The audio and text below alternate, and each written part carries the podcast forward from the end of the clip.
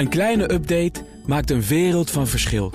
Daarom biedt IKEA voor Business Netwerk gratis snelle interieurtips en ideeën. Word gratis lid en laat je werkplek voor je werken. IKEA, een wereld aan ideeën. Ondernemerspanel. Hoeveel toekomst zit er in de markt voor flitsbezorgers? En na de bakel rondom de HEMA maakte Marcel Boekhoorn een mega winst... met de verkoop van de high-tech campus in Eindhoven. Hij kan het dus nog. Dat en meer bespreek ik in het ondernemerspanel... met Jury van Alteren, directeur van Change Inc. en Arco van Brakel, directeur van de Cleantech-regio. En natuurlijk ook bestseller-auteur. Onder andere bekend van het boek Ondernemen met Impact. Arco, ik ben in een goede bui, blijkbaar. Fijn dat je er bent. Ja, ik vind het fijn dat we hier mogen zijn. Vandaag weer, na de zomer. Jury, ook fijn dat jij er bent. Ja. Traditioneel natuurlijk uh, aftrappende met jullie eigen nieuws. Heb jij nog nieuws, Jury? Uh, oh. Nee. Het is, een, het is, een, rustige zomer geweest, begrijp ik. Het is een rustige zomer geweest. Ja, ik heb eigenlijk niet zoveel, uh, niet zoveel nieuws vandaag. Nou, dan moet het maar van Arco komen. Ja. Ja. En Arco, veel nieuws. Ik zoek hem er even zoek bij. het wel even op op Ja, ik zoek het even op. Ja. Hoog in nou, ik moet even goed, goed zeggen, want er zitten wat getallen in die door Houdt elkaar hem bezig, hè? Nou, nee, jawel. Nou, ik dit is mijn, mijn, mijn derde werkdag. En het, uh, dus ik moet even weer erin komen. En ik heb een hele mooie zomer gehad. Dus, uh, maar uh, ik, wat ik heel leuk nieuws vind, is eigenlijk iets wat van de zomer bleek dat het heel succesvol is geworden. Dat is een, een coöperatie, die heet Van Onze Grond. En dat zijn dus een achttiental boeren en tien supermarkten die we in de regio Apeldoorn, Deventer, Zutphen, de, de Cleantech-regio, ja, samenwerken. Uh, om dus lokale producten bij de lokale supermarkten te krijgen. En het is een coöperatie. Dat is eigenlijk heel ouderwets, hè, want de Rabobank was ook ooit uh, begonnen als coöperatie. Maar je ziet eigenlijk dat het toch een hele interessante innovatie is. Omdat je hiermee de ketens uh, kleiner maakt. Het verdienmodel voor de boeren aantrekkelijker maakt. Dat er minder mensen tussen zitten. Nou, wat die verdienen bij de grote supermarkten, vinden ja. ze zelf, en dat blijkt ook wel uit de laatste gegevens, veel te weinig. Hè. Er, er moet iets gedaan worden aan de verdienkracht en macht van boeren. Klopt, klopt. En uh, dan kunnen ze ook misschien zonder subsidies een keer gaan acteren. De, de, de waarde is er in principe. Maar het interessante is dat je hiermee ook een bijdrage levert aan een meer circulaire economie en aan de energietransitie. En dat je gewoon de ketens korter maakt. Het kost minder CO2, kost minder energie. Um, het is eigenlijk gezonder voor mensen om op deze manier lokaal te eten. En het is gezonder voor de business van de boeren en gezonder voor de planeet. En je zegt het is een succes, ja, maar waar blijkt dat uit? Nou, dat er steeds meer mensen mee willen doen. Um, de, het aantal supermarkten wat, en een aantal boeren wat zich wil, wil committeren om hier aan mee te doen, wordt steeds groter. Het groeit. Dus we verwachten dat we eigenlijk enkele tientallen uh, supermarkten en, uh, en boerenbedrijven hebben voor het einde van het jaar. En er is gewoon heel veel belangstelling om mee te doen. En dat vind ik toch wel een keer een leuk verhaal om ja. gewoon eens te vertellen. Want daar is weinig aandacht voor. Het gaat allemaal over grote business en miljoenen ook in deze uitzending zometeen. Maar dit is ook een succes. Nou, ik zie dat Jury van Change Inc., dit is toch ook een vorm van change, ja, zeker. ook aandachtig luistert. Ja, nou, het is natuurlijk best wel interessant dat. Uh, volgens mij moet er meer meer aandacht komen voor uh, producten die van het land komen. Hè, zodat je ook een beetje ziet. Ik weet dat hier uh, in, uh, in Amsterdam heel veel jongeren geen idee hebben dat melk uit de koe komt. Hè. Dus ik denk ik dat moet heel... ook even bijkomen. Wat zeg je nou? Ja, ja Thomas, dat. dat die beesten, dat kunnen die in de wei lopen. Ja, ja. ja precies. Die zwart-wit gevlekte. Maar die, dus je ziet dat daar, volgens mij begint het met aandacht voor die producten. En dan wordt de waarde ook wel beter ingeschat.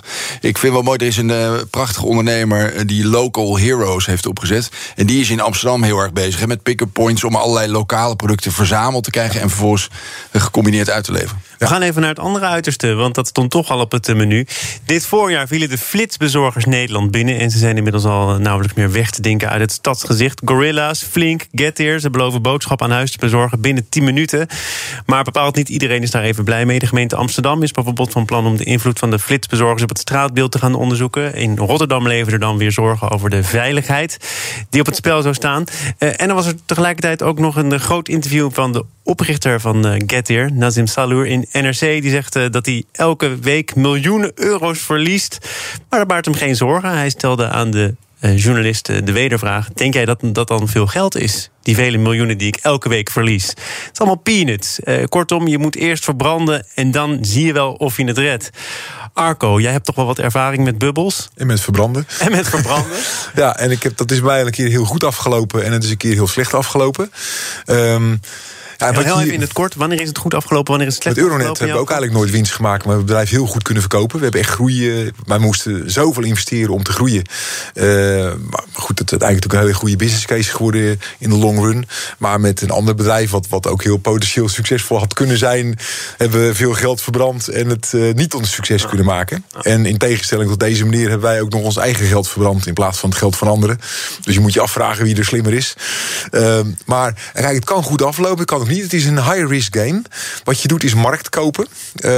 of dat ethisch is, dat, dat staat ook in alle artikelen omheen. Dat is de vraag, want je, je koopt markt en je drukt kleine ondernemers uit de markt. Dan kan je zeggen, ja, dat is een struggle for life. Is ook zo ik wil even wegblijven uit de oordelen hierover. Maar feit is dat je markt koopt. En dat je dat eigenlijk in concurrentie doet met andere partijen die ook markt kopen. Bij grote online platforms is het de winner takes it all. Dus als je wint, dan kun je inderdaad ook die markt op een winstgevende manier gaan, gaan exploiteren uiteindelijk. Maar het is heel hoog risico.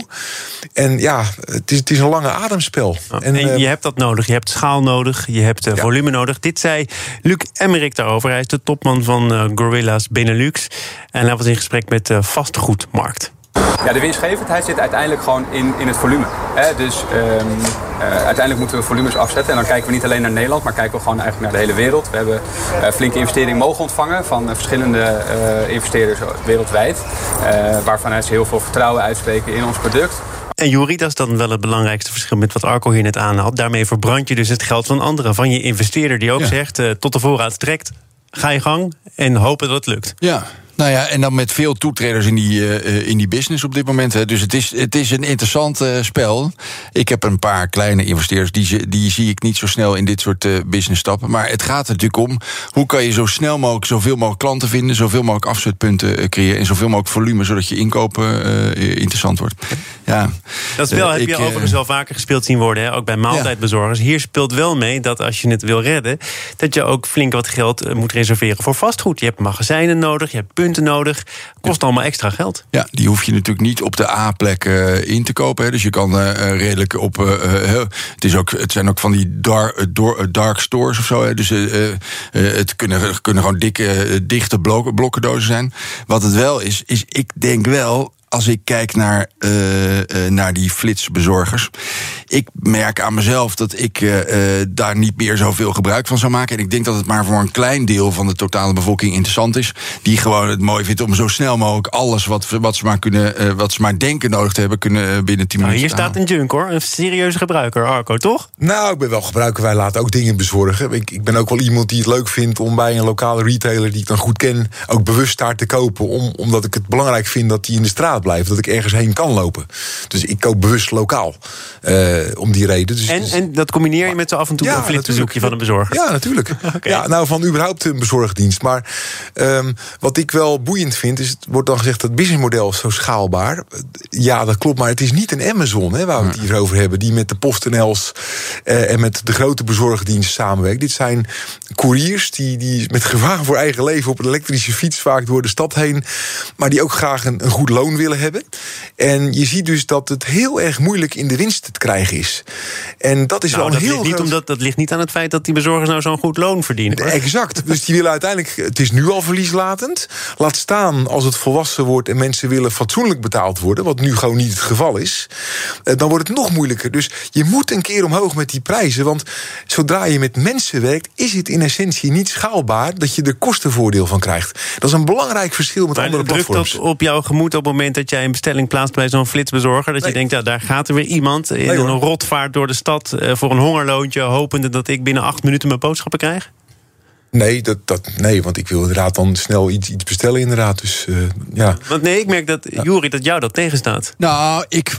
Kijk. Eh, ik vind wel dat eh, ik maak me hard voor een betere toekomsteconomie. En waar innovaties en nieuwe technologieën ontwikkeld worden. en nieuwe business opgetuigd wordt. om eh, wat breder te kijken dan alleen maar je achterzak. en het zo snel mogelijk ophalen van geld. en zo snel mogelijk afvakkelen van geld.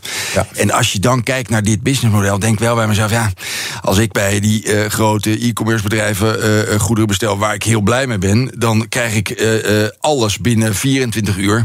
waarvan ik soms soms ook denk, ja, heb ik dat nou binnen 24 uur nodig? En nu begint dat op te schrijven naar 10 minuten. Ja, dat denk ik bij mezelf. Wat zijn we daar in godsnaam aan het doen? Ik vind het ook hoor. Het is, uh, wat ik heel leuk vind, ik heb ooit uh, het genoegen gehad toen hij nog leefde, Tony Shea van Zeppels het ontmoette.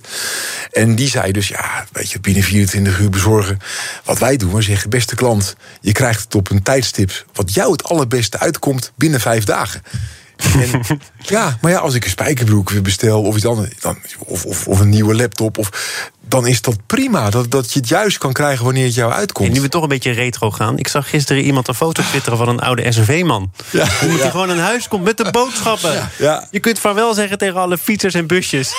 Waarom hebben we daar ooit mee gestopt? Ja, nou dat vraag ik me eerlijk gezegd ook wel eens af. Die kan je best elektrisch maken. Of, ja, uh, ja. Ik moet er altijd aan, aan, aan de Flodder denken. Aan die, die oh, serie die kwam ook altijd langs bij de SRV-man. Ja, maar Flodder, ja. ja. Hey, uh, nu gaat het hier over bedrijven die heel veel geld hebben opgehaald bij investeerders. Internationaal opererende bedrijven. En dan in de kantlijn daarvan hoor je dat er ook Nederlandse bedrijven zijn. Jumbo, De Blokker. Ze zouden zich ook op de markt van de flitbezorging willen gaan begeven. Ja. Wensen wij die bedrijven veel succes?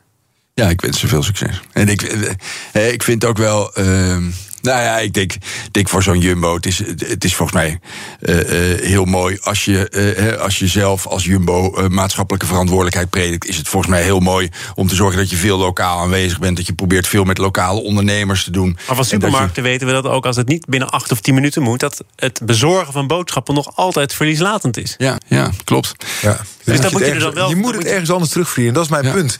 de meeste platforms zijn schaalbaar, omdat je ergens een keer door een, door een tipping point heen gaat dat je winst maakt. Maar dit zijn steeds meer mensen die rond moeten rijden en rondfietsen. En dat is in essentie misschien in volume wel schaalbaar te krijgen, maar niet dat je maar, dat kostenvoordeel realiseert. Het is ook mooi, hè? Want ik woonde op de Overtoom in Amsterdam. Nou, dan, uh, ik zat ook bij mezelf te denken, ja, zou ik daar dan flitsbezorgers nodig hebben? Dan, uh, ik loop de straat uit, ben bij de Albert Heijn, koop, doe daar mijn inkopen. Beneden zat een avondwinkel waar ik tot diep in de nacht uh, allerlei producten kon kopen. Denk, ja, wat moet ik nou in godsnaam met zo'n flitsbezorger nog Dus het is ook wel, nou, laat Jumbo, uh, als ze die richting kiezen. Ik denk dat er voldoende richtingen zijn om uh, meer rendement te boeken. Uh, en ook wat breder maatschappelijk relevant te worden. Als, jij, als jij tot slot, Arco, voortdurend kanttekeningen plaatst bij dit hele model. en je afvraagt: is hier ooit echt geld mee te verdienen? Is hier winst te realiseren?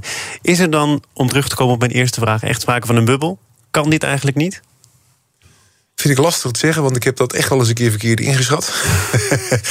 uh, ik dacht namelijk ooit dat gratis internet uh, niet zou lukken. Dat is de reden dat wij Euronet verkocht hebben. Nou, het is best aardig gelukt uiteindelijk. Uh, dus ik vind dit lastig. Dus ik, wat ik, wat ik, wat ik, waar ik mee begon.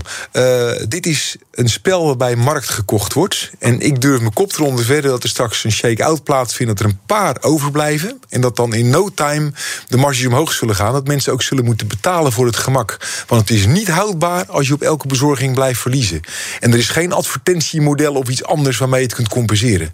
Dus ik denk dat het wel degelijk uh, een kans heeft. Dat mensen uiteindelijk zullen gaan betalen voor de kwaliteit van de service. We gaan uh, naar een andere ondernemer die het uh, soms bij het verkeerde eind heeft, maar toch ook vaak bij het goede eind. Zaken doen. Thomas van Zeil. Deze week maakte de Hightech Campus in Eindhoven bekend dat investeerder Marcel Boekhoorn het terrein heeft verkocht aan Oaktree Capital Management. En Boekhoorn kocht de campus, waar onder meer NXP en IBM-kantoren hebben zitten in 2012 voor 425 miljoen euro. En het levert hem nu 1,1 miljard euro op. Goeie deal, wordt er wel geconstateerd. Nou, Jury, daar kunnen wij het denk ik alleen maar mee eens zijn. Ja, dat is een mooie winstpakker. En is dat nou zo omdat vastgoed nu eenmaal heel veel meer waard geworden is? Nou, ik denk sowieso dat je een continue waardestijging ziet in vastgoed. Hè. Niet alleen in, in bedrijfsonroerend goed, maar ook in woningvastgoed. Maar wat ik wel, uh, ik ben wel vaak op dat uh, terrein geweest in Eindhoven. Het is daar wel de er is daar zoveel gaande. En dat is zo ontwikkeld in de afgelopen jaar dat ik, ik vind die waardesprong niet zo vreemd. En, en er zit heel veel potentie in om ons bij te bouwen. Hè. Er zit die Eindhovense regio, daar, ga, dat, daar zit, dat is gewoon een mooie dus, regio. Dus ook al is het een enorme som geld, 1,1 miljard euro... ook als je de afzet tegen wat Boekhorn ervoor betaald heeft in 2012... zou je het alsnog kunnen percipiëren als een koopje voor Oaktree? Nou ja, ik denk dat, het, uh, dat er voldoende waarde, uh, waarde ruimte in zit. En, uh, en ik denk dat het een. ik kan me wel voorstellen, als je, het zo, als je het zoveel jaar geleden voor dat bedrag hebt gekocht, kan ik me wel voorstellen met de ontwikkelingen die het heeft doorgemaakt, dat het een enorme stijging heeft meegemaakt. En er zit ook nog wel wat rek in. Ben je ook een regelmatige bezoeker Ja, van ja. het terrein daar? Ja, ook als spreker ben ik er vaak geweest. Maar niet alleen daar, ook in de omgeving eromheen. En wat ik, het, wat ik denk dat een van de grote toegevoegde waarden is van die technocampus... het is als het ware het kloppende hart eh, in een heel ecosysteem... wat minstens 50 kilometer rondom Eindhoven nog steeds effect heeft. De Brainport. De bra- exact, het is de Brainport, dat is het. En dat is het echt. Dus ze hebben daar iets gedaan, waardoor je er zelfs als je in de peel in een klein dorpje zit, daar zit- zitten maakbedrijven die ook letterlijk zeggen dat ze daar niet hadden gezeten zonder de Brainport.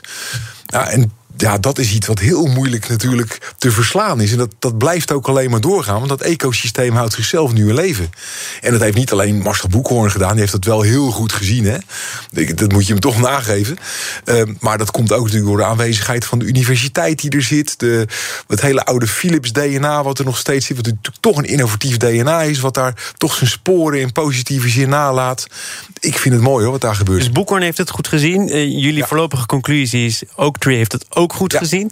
Op een moment, en dat moeten we er toch wel even bij zeggen... dat nog maar de vraag is hoe en waar mensen in de toekomst gaan werken. En je Ja. ziet eh, in andere sectoren, eh, weliswaar ook met kantoren te maken... dat er toch ja, een soort huiver heerst van wat gaan we daarmee doen. Ja. Dus waarom zou je dan voor meer dan een miljard... hoe je het went of keert, vastgoed kopen? Ja. Nou, het is heel grappig om te zien. Want ik ga per september gaan we naar een nieuw eh, kantoor. Dus ik heb veel te maken gehad met makelaars. En die zeggen allemaal: nee, nee, nee, nee, nee. Door COVID gaat men groter.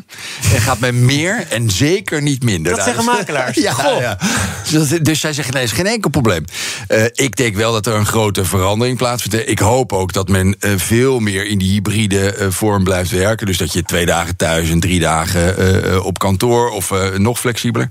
Maar er zit zoveel groei in dat, eh, in dat Eindhovensgebied dat, daar, dat ik me daar geen zorgen maak. Ik ook niet hoor. Ik, eh, ik weet eigenlijk zeker dat het lukken. En, maar kijk ook even naar het rendement. Hè. Het heeft natuurlijk negen jaar heeft hij het in, in zijn bezit gehad. En is het ongeveer verdubbeld, als ik het goed heb gelezen. dat, is meer 11, dan. dat is 11% per jaar. Dat valt eigenlijk Oh, ook best wel mee. Ja, Ja. nee, maar dus. dus het, en dat, dat, ik zie dat heus, dat zie ik wel doorzetten. Juist door wat jij nu zegt. Dat het inderdaad gewoon. ehm, die, het bruist in die regio. Er gebeuren daar. Er zitten prachtige ondernemingen. High-tech ondernemingen. En het leuke is, het zijn heel vaak ook productiebedrijven. En die zijn dus wel honkvast. Want ja, dat, dat doe je daar, dat produceren. Nog even naar de persoon eh, Marcel Boekhoorn. Bekend vanwege zijn grote deal bij Telfort onder andere. Hè. Dat is toch wel een klapper geweest. De afgelopen maanden en jaren vooral veel besproken als eigenaar van de HEMA. Daarmee liep het wat minder goed af. Maar dat drukt niet per se op het humeur van Marcel Boekhoorn. Dit is wat Johan Derksen daarover zegt. Kijk, die man heeft zo'n zelfspot, hè. Hij zegt, ja, ik, eh verleden week had ik eh 800.000 miljoen. Hij Nou, zegt, 800 miljoen. Ja. 800 miljoen. Ja. Eh, en nu nog 400, want de HEMA is mislukt. Ja, maakt dat op een gegeven moment, dit zei Johan Derksen in Veronica Insight, zijn eigen programma, dan ook niet meer zoveel uit. Het mislukt een keertje. Je maakt een keer een klapper en je gaat weer door. Ja, vind het wel mooi dat jullie deze quote naar boven halen over Boekhoorn. Want dat is, die, ja, het is grappig dat Derksen dat doet. Ja, ik, het is gewoon een mooie ondernemer. Ja. En, eh, en dat blijkt uit alles. En, en eh, als je investeert in allerlei soorten bedrijven... en je probeert zo'n HEMA, wat, wa- hè, wat ook het niet goed deed... in, dat, in die periode erbovenop te Het helpen. is wel een prestigeproject. Ja, het Het mislukt bij project. anderen, maar ik, Marcel Boekhoorn, draagt helemaal een warm hart toe. Nederlands trots. Ik ga dat wel over de streep krijgen. En dat hij, niet durft, hij is niet bang om, eh, om dat soort statements te maken en dat soort keuzes te maken. Dus ik vind dat wel een, eh, ik vind dat wel een trots van een Nederlands Ik ook. ondernemersveld. Ja. Ik vind die man is buiten categorie. En hij heeft inderdaad één keer niet scherp geweest, misschien bij de HEMA. En hij zal heus nog wel eens een keer een mislukkingje hebben. Maar dit, dit, dat hoort ook bij ondernemen. Richard Branson heeft ook heel veel mislukkingen op zijn naam Nou, je, staan. je bent zelf ook eh, wel scheutig in het delen van je mislukkingen. Ook vandaag weer. Je Ja, ziet het nou maar helemaal ik niet heb, altijd goed. Ik heb wat minder exceptionele successen er tegenover staan, Thomas. Dat, dat is wel een belangrijk verschil. eh. niet in de categorie boekhoorn. En ik zou het ook niet kunnen. Het is echt een kwaliteit. Ehm, en wat hij, ehm, hij... Hij heeft denk ik een heel goed gevoel. Eh, echt, denk ik echt gevoel, vingerspitsengevoel voor wat er mogelijk is. Maar hij is heel goed in het financiële mode- modelleren. Het financieel designen ook wel van een deal. Ja, en dat is wel een talent hoor. Maar toch nog even in, in algemene zin. Is het makkelijker om succesvol te zijn als het eenmaal een keer gelukt is? Nou, ik denk als je wat centjes op de bank hebt, bank hebt en het je ook kan permitteren om af en toe een keertje de mist in te gaan, dat is natuurlijk best wel lekker. Uh, dus uh, ik denk dat zeker. En ik denk op het moment dat je uh, dat het een, als het een paar keer gelukt is en ook een paar keer mislukt is, dan ben je ook wat beslagener ten ijs bij de volgende deal. Dus dat is ook wel lekker. Absoluut. Ja. ja. Ja, en het hoort er gewoon bij. Je wint some, you lose some. En hij wint wat meer dan dat hij loest. Dus ik, uh, ik vind het. Uh, ik vind zulke ondernemers, daar moeten we trots op zijn. Ik denk over, maar ik, ik, ken, ik heb Marcel Boeken lang geleden één keer ontmoet. Het is moeilijk om hem te spreken te krijgen. Ja, ik ken hem, ik ken hem niet heel goed.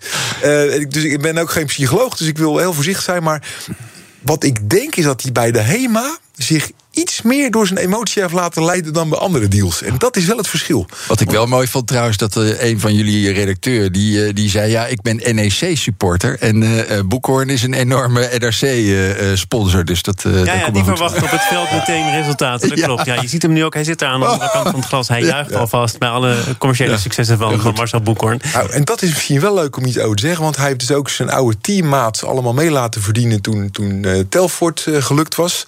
wat ik het leuke vind van Marcel Boekhoorn, hoe succesvol die ook is, hij vergeet niet waar hij vandaan is gekomen.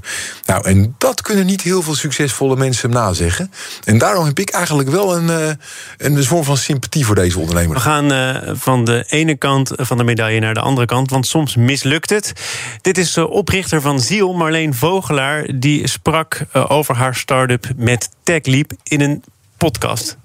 Yeah, so Zeal is uh, is building. Uh, Zeal is right now a service for brands and retailers that want to have their own line of clothing with no minimum order quantities and delivering under ten days. And we're actually building out all of the uh, software and material handling tools that enable. Uh, cut, make, and trim vendors, uh, so producers of apparel, to move from series production to on demand production nog even toelichten waar dit precies over gaat. Want de Nederlandse tak van het duurzame modebedrijf Ziel ging deze week zelf ter ziele. RTL Nieuws schreef erover. Het bedrijf van deze ondernemer, Marleen Vogelaar, kreeg vorig jaar nog een kapitaalinjectie injectie van 4 miljoen euro. Maar moest zijn faillissement begin deze maand toch aanvragen nadat de investeerders de geldkraan hadden dichtgedraaid. Duurzame mode in een wereld die uh, voortdurend in beweging is, die de duurzame kant op gaat, Jury. En dan mislukt het. Uh, en er wordt hier toegeschreven aan het feit dat het Amerikaanse moederbedrijf in de problemen kwam, dat er heel veel geld van die investeerders linea recte naar de VS ging. Ja. Maar het, je lijkt toch te kunnen zeggen dat zo'n bedrijf op papier het tijd mee heeft. Nou, dat denk ik zeker. Want er is natuurlijk veel, hè, die, uh, die wereld is veel in beweging. Wat het wel is, dat het is zo'n enorme wereld... dat met 4 miljoen euro en een, uh, en een onderneemster... Die, uh, die een platform probeert te bouwen vanuit Nederland... of in samenwerking met de Amerikaan. Ik denk dat dat een heel lastig verhaal is. En, Peanuts, het lijkt veel geld, 4 miljoen, maar het is, is helemaal niks. Dat is helemaal niks. En, en, en ik vond het wel interessant, want toen, toen zijn failliet ging... heb je een aantal hoogleraren die helemaal in die wereld hun analyse doen. En die geven ook aan. Uh, het, is de, uh, het maken van een broek of een kledingstuk is zo versnipperd en helemaal uh, verspreid over de hele wereld. Hè. Dus het garen komt ergens vandaan, dan wordt het daar gewassen, dan wordt het daar in elkaar gezet. En dat is gewoon lastig om, dat, om die hele keten te stroomlijnen, laat staan, op een, om te buigen of, of, of om te zetten. Is het een kwestie van uh, te weinig geld of nog een kwestie van genekt worden door corona? Want het moederbedrijf komt in de problemen? Nou, dat, dat, dat lijkt, dat is natuurlijk de aanleiding. En uh, dat is heel vervelend dat het zo, zo is. Uh, in essentie had het best kunnen lukken. alleen had je meer tijd moeten hebben en dat veel meer mee moeten zitten. Want wat, ik heb samen met mijn collega Barbara Middelhoff, onze circulaire economie-specialist, ik ga speciaal de naam even noemen, want we hebben het heel goed even voorbereid, dit. Want we dachten, wat is er nou misgegaan? En dan zie je eigenlijk dat in tegenstelling tot bijvoorbeeld die bezorgdienst, die, die flitsbezorgers waar we het net over hadden, dat die iets wat heel makkelijk uit te leggen is aan een consument en ook concreet inspeelt op een behoefte. Maar kleding die duurzaam geproduceerd wordt, is niet per se een behoefte die bij het grote publiek interessant wordt gevonden, want mensen willen kleding. En hoe het geproduceerd is, dat is helaas voor heel veel mensen minder relevant. Waardoor ze nog steeds bij de Prima en andere bedrijven hun spulletjes kopen. Maar je hoeft er ook niet per se de massa te bedienen. Als jij zeker weet dat er een behoefte aan is. Klopt. Die weet je te vinden, de mensen die dat echt willen. Klopt, maar dan moet, je, dan moet je een ander model kiezen. Want feitelijk hebben ze geprobeerd het model waar we het net over hadden... van met veel geld een markt kopen... hebben ze geprobeerd te plotten op iets wat eigenlijk meer geschikt is voor een niche-markt. Dus het financieringsmodel klopt niet bij het type markt. En dan heb je ook nog het probleem dat je eigenlijk zoveel dingen tegelijkertijd aan het innoveren bent. Het is, een, nieuw, een nieuw logistiekproces, een nieuw distributieproces, duurzame kleding. Ehm, dat is te veel om in één keer op te pakken. Dus tot slot, want jij hebt al wat ervaring vanuit Nou ja. Change Inc. Je komt voortdurend bedrijven tegen die hiermee worstelen en het wel Ja. of niet redden. Ja, nou, ik, eh, ik denk dat als je echte kantelingen en disruptors in de markt wil creëren, dan is 4 miljoen voor een wereldmarkt van miljarden is echt helemaal niks. En dan lees je vervolgens dat het 2,2 miljoen eh, eh, is, ter beschikking is gesteld. Dan moet daar en een groot platform online gebouwd worden, en er moet al, moet al gestart worden met fabrieken. Dat is echt, de jongens, daar moeten we eh, erbij. Toch Nou, even buurten bij Marcel Boekhoorn. Ja, nou, wat geld op de bank. Jurie van. Alteren was hier, de directeur van Change Inc. En Arco van Brakel van de Cleantech-regio, ook auteur van het boek Ondernemen met Impact. Dank voor jullie komst. Zometeen dan eh, wordt er gepitcht in BNR Zaken doen... en is er ook een ruimte, uiteraard, voor mijn zakenpartner deze week, Marja Ruigel. Een kleine update maakt een wereld van verschil. Daarom biedt IKEA voor Business Netwerk gratis snelle interieurtips en ideeën. Word gratis lid en laat je werkplek voor je werken. IKEA, een wereld aan ideeën.